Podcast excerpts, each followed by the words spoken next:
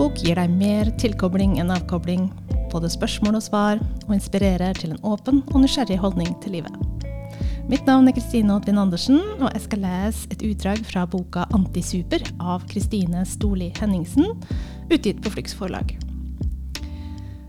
Før jeg leser utdraget, så kan jeg gi følgende beskrivelse av boka. Ubehag er ikke farlig. Ingen er lykkelige hele tiden. Snakk for deg selv, og la andre snakke for seg. Ta vare på flokken din uten å drukne. Dette er noen av levereglene til Kristine Storli Henningsen. I denne boken byr hun raust på erfaringer fra et uperfekt liv. Forfatteren har nådd et stort publikum med bloggen Antisupermamma. Men hun var antisuper lenge før hun fikk tre barn på tre år. Som journalist skrev hun om å leve sunt mens hun kjederøkte på et kontor uten ventilasjon. I sitt første ekteskap prøvde hun å please en rusavhengig mann. Da hun giftet seg på nytt, kom hun for sent til vielsen. Kristine er ikke bare hylende morsom, hun er også utdannet gestaltterapeut og graver dypere i det moderne menneskets perfeksjonisme. Hun gir oss et nytt syn på hva som er verdt å streve for. Når du har lest denne boken, føles det stort å være et helt vanlig menneske.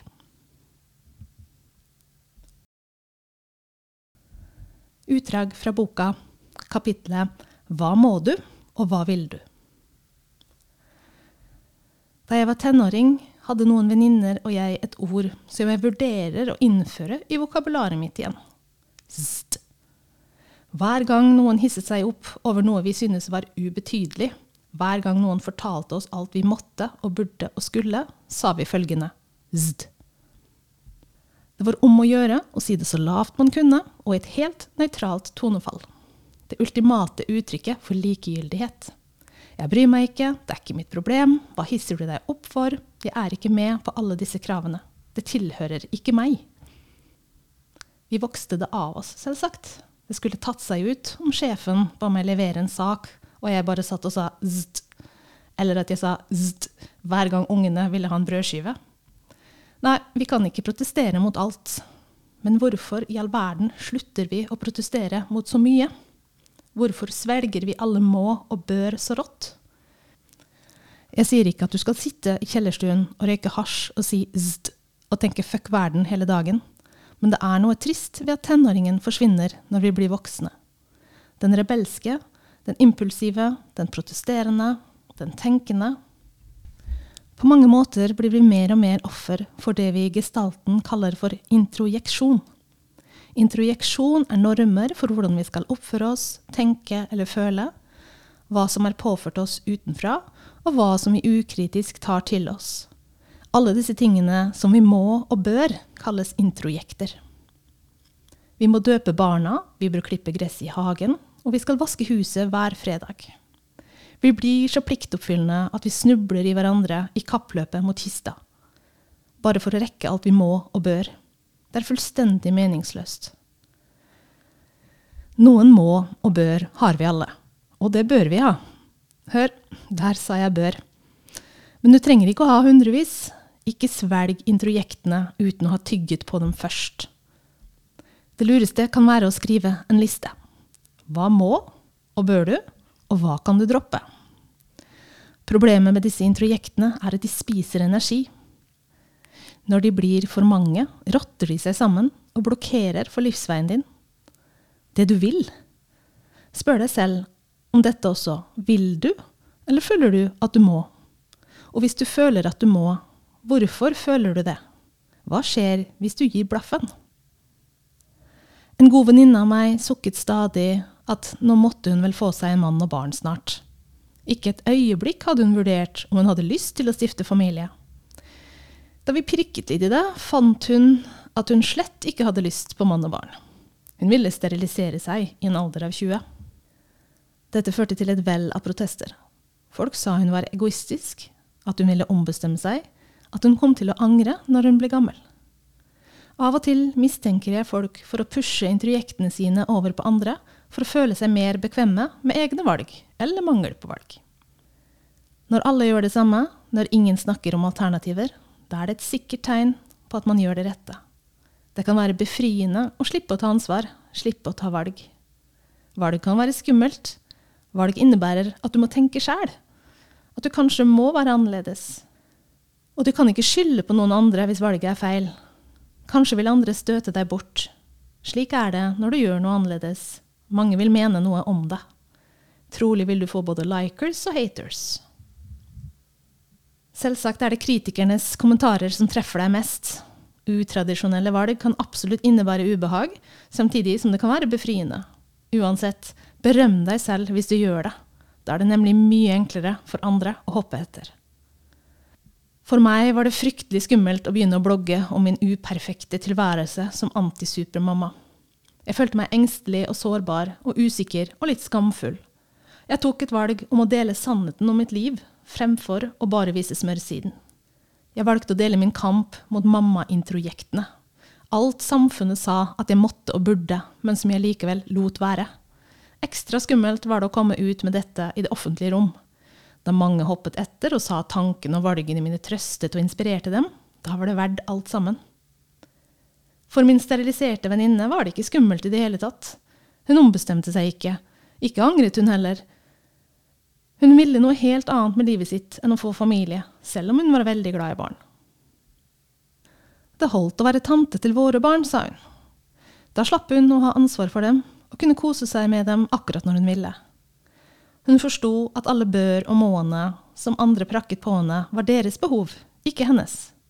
Dette er viktig å lære seg å gjenkjenne. Hva er andres behov, og hva er dine? Når svigermor maser om at du må stryke bunadsskjorten, eller din mann forteller deg at kvinner bør ta mesteparten av husarbeidet, da vet du at det er deres behov det dreier seg om, og ikke ditt. Slik kan du skyve det tilbake dit det hører hjemme. Jaså, så du har et behov for at jeg stryker skjorten min? Vel, for meg gjør det ingenting at den er litt krøllete. Hvis behovet ditt blir for presserende, her har du strykejernet. Jeg har tatt en del utradisjonelle valg. Vi giftet oss på hemmelig vis i utlandet og droppet bryllupsfest etterpå, selv om alle sa at det måtte vi ha. Vi døpte ikke barna, selv om mange sa at dette var en tradisjon vi burde følge, jeg sa opp min trygge stilling som redaktør i Oslo, selv om mange sa at det måtte jeg ikke finne på. Vi fikk tre barn på rappen, selv om mange sa at det var galskap. Å ja, det var det. Og at vi burde vente. Jeg har på mange måter funnet tilbake til rebellen i meg. I en alder av 40 har jeg kommet i kontakt med min indre tenåring. Hun døde nok aldri, bare lå ladet. Nå er hun i full sving, i en litt mer konstruktiv form enn tidligere, heldigvis. Hun gir meg en boblende og litt fandenivoldsk energi. Det er mye krutt i disse setningene. Jeg gidder ikke. Det driter jeg i. I don't give a damn.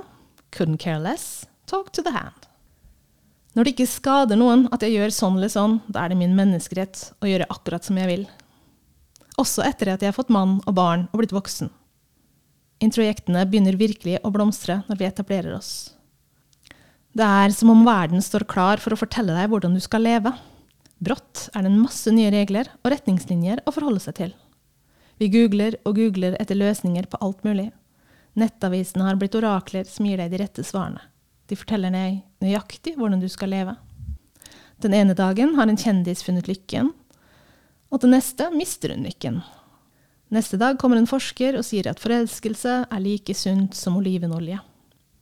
En uke senere er ikke olivenolje sunt lenger, men en ny kjendis har funnet lykken med hun som mistet lykken.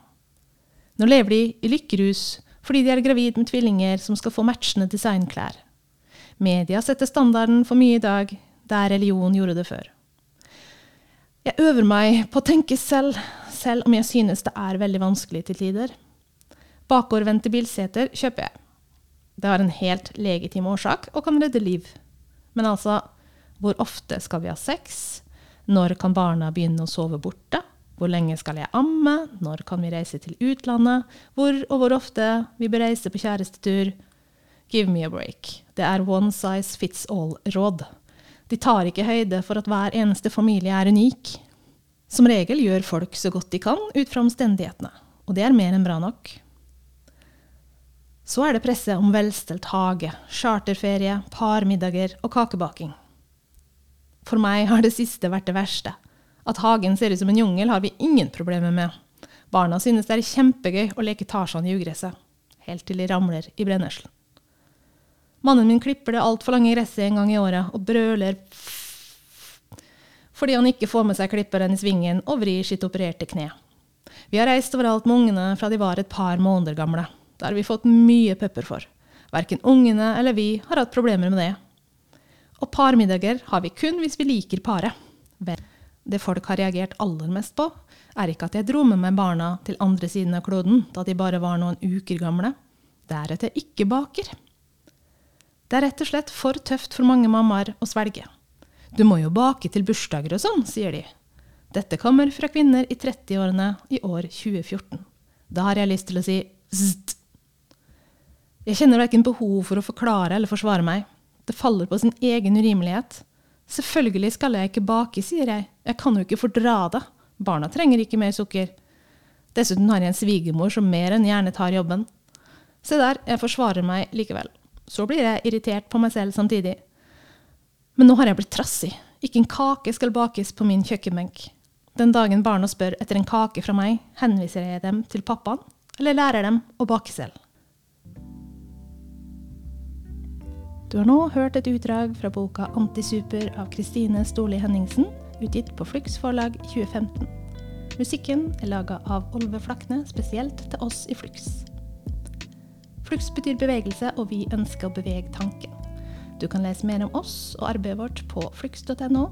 Der finner du også mer informasjon om alle bøkene våre, vårt dialogarbeid, prosjekter og kurs. Du kan også følge Flux på Facebook og Instagram.